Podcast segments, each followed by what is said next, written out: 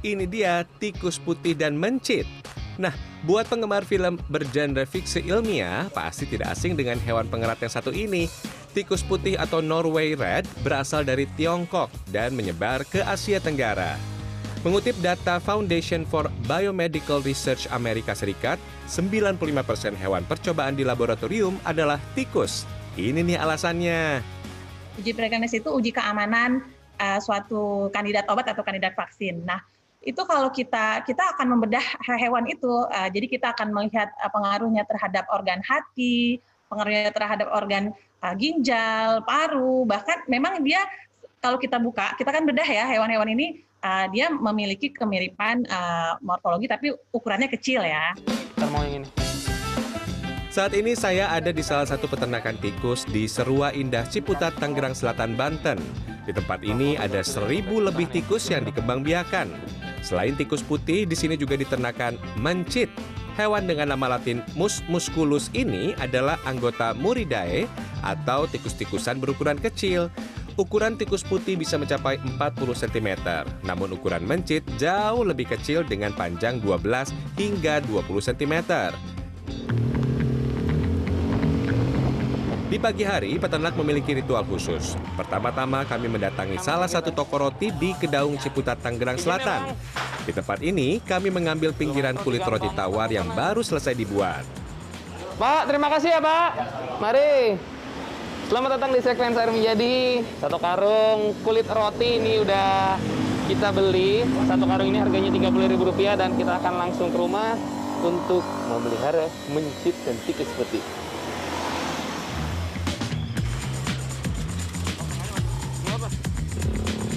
Selanjutnya kami berangkat ke tukang kayu untuk mengambil serbuk kayu sebagai alas tikus. Oke. Pagi bang. Serbuk terbaik berasal dari kayu jenis meranti atau jati Belanda karena berwarna dominan putih. Kalau si serbuk kayunya ini nih nanti buat alasnya si tikus, ya bang ya. Kita ambil dulu, bedanya yang ini tidak bayar. oh dikat dulu ya. Takutnya tumpah ngaprak di jalan. Oke, kita lanjut ke tahap berikutnya. Mempersiapkan makanan. Ada nasi, pinggiran roti tawar, dan juga pur. Tidak ada makanan khusus untuk tikus putih, karena hewan pengerat ini merupakan omnivora alias pemakan segala. Kita hanya perlu memperhatikan takarannya. Setelah semuanya tercampur, waktunya memberi makan seribu lebih indukan dan anakan tikus. Dalam sehari, tikus hanya diberi makan satu kali, namun porsi ini bisa ditambah jika ingin mempercepat proses pembesaran. Idealnya, tikus makan sekitar 10 hingga 15 persen dari bobot tubuhnya. Makanan tikus harus mengandung protein, lemak, serta serat kasar. Kebutuhan atas protein didapat dari buah atau sayuran, namun jenis makanan tersebut bisa juga didapat dari pur. Sementara karbohidrat dan serat kasar diperoleh dari ampas roti. Proses memberi makan di pagi hari juga menjadi ajang memantau kondisi kesehatan tikus. Jika ada tikus yang enggan makan atau cenderung tidak aktif, maka akan dipisahkan di kandang khusus. Oke, waktunya makan feeding time. Sekotak ini ada sekitar seratusan tikus ya. Ratusan tikus ataupun mencit yang ini sebagian besar adalah indukan atau yang perempuannya. Dan pemirsa kalau lagi memelihara tikus, salah satu faktor yang harus dilihat adalah ini tikus mau makan nggak? Kalau tikusnya itu cenderung nggak mau makan atau diem, nah itu hal-halnya tidak akan bertahan lama. Jadi harus kita pisahkan untuk diberikan perawatan khusus di kandang sendiri. Tapi ini mah buset, makan semua. Tikus yang pasif bisa menjadi pertanda dia sakit. Tikus ini harus dipisahkan untuk mencegah menularkan penyakit. Tapi ini kondisi mati kayak gini sering terjadi? Sering om. Tiap hari kita ada aja satu, satu dua tiga mati anakannya. Itu biasa kenapa tuh? Karena dari indukannya juga cacat, terus sama nggak disusun juga sama indukannya. Ya akibat jadi mati. Selain makanan, minuman juga jadi faktor penting pada tikus. Bila makan buah dan sayuran, tikus akan jarang minum. Tetapi bila diberi pakan kering seperti campuran roti, nasi, dan pur, tikus akan minum lebih banyak. Selesai makan dan minum, waktunya membersihkan kandang. buang alas serut kayu yang kotor, kemudian ganti dengan yang baru dan kering. Serbuk kayu diganti 3 hingga 5 hari sekali untuk mencegah tikus berbau stres. Nah ini yang unik. Biasanya kan kalau tikus dikenal dengan jorok, mainnya di got, di kubangan. Yang ini mohon maaf, tikusnya kalau kandangnya kotor ya bang ya, waduh tidak mau makan, tidak mau minum, yang ada juga malah jadi kurus, nggak mau kawin juga, waduh ujung-ujungnya mati dan kita rugi. Tikusnya bersih sekali ya ini ya. Jadi keluarin ya. Oke, yuk. Pindah kandang bos, pindah kandang bos. Satu lagi pemirsa, temperatur di dalam kandang juga menjadi salah satu faktor penting ketika beternak tikus putih dan mencit. Kandang harus sejuk dan memiliki sirkulasi udara yang baik serta tidak terpapar sinar matahari langsung. Sebab bila terlalu panas, tikus akan mudah mati akibat heat stroke. Iya jatuh. Iya. Iya kabur. Kabur. Nah. Oke. Udah. Ah. Sekarang waktunya kita mengembang biakan tikus putih dan mencit. Dalam satu kandang ada satu jantan dan 4 hingga 6 betina. Tikus-tikus ini akan disatukan selama satu hingga dua pekan ke depan. Ini akan dikawinkan. Yang ini jantan ya? Iya. Kelaminnya terlihat jantan. Nah, ini yang betinanya dan dikawinkannya di satu kandang. Perbandingannya? Satu banding empat. Satu banding empat. Satu jantan, Empat betina. empat betinanya ya. Oke. Wah, ini besar sekali. Berapa lama didiamkannya biasa? Paling seminggu, dua minggu udah dang, udah dang hamil. Hamil ya. Nah, ini dia tikus yang baru lahir. Anak tikus dan induknya akan dirawat di kandang khusus selama tiga pekan ke depan. For your info pemirsa, tikus peliharaan dapat hidup hingga 4 tahun dengan perawatan yang tepat. Sementara tikus liar mampu bertahan sampai 3 tahun. Nah, Wih. Aduh, duh, duh, duh, duh. Dia kalau sedang masa kawin tuh emang lebih sensitif ya. Aduh, duh, duh, duh. Ini cakara keluar semua nih.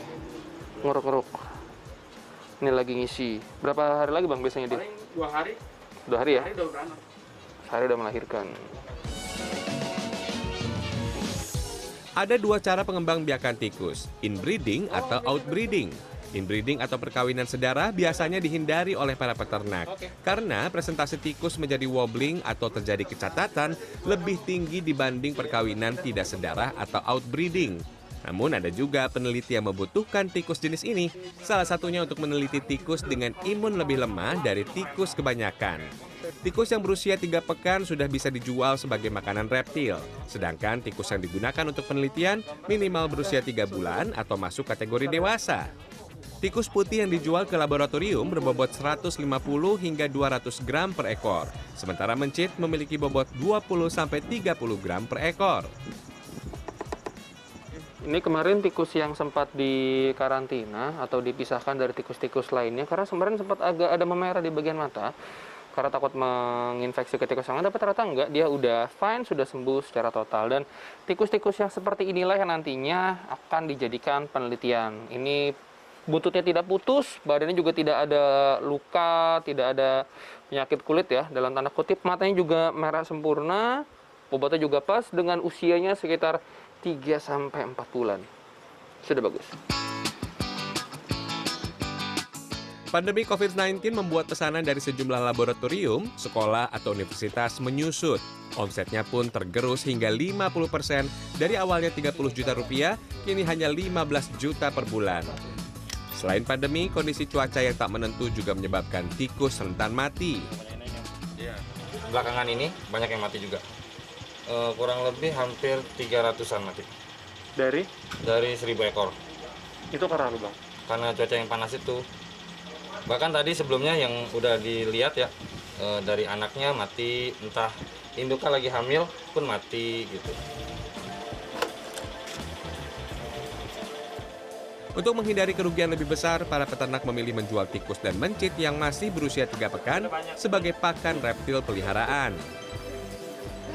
Nah, kalau saya beli mencit buat pakan apa piaraan di rumah burung kayak burung pre, apa hantu itu burung predator gitu. Meski pesanan dari laboratorium menurun selama masa pandemi, sejumlah lembaga penelitian masih menggunakan tikus sebagai salah satu media penelitian mereka. Nah, beberapa penelitian yang kami lakukan di antaranya adalah kami ingin melihat uh, apakah ada daun ketepeng badak dapat meningkatkan uh, uh, imunitas seorang uh, imunitas seseorang. Kita tadak uh, dan ini kita ujikan dulu pada mencit sebelum kita berikan pada manusia.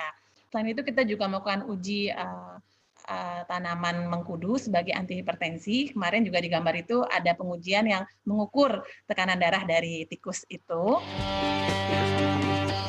Meski omsetnya menjanjikan, ingat jika ingin beternak tikus harus fokus pada pemberian pakan.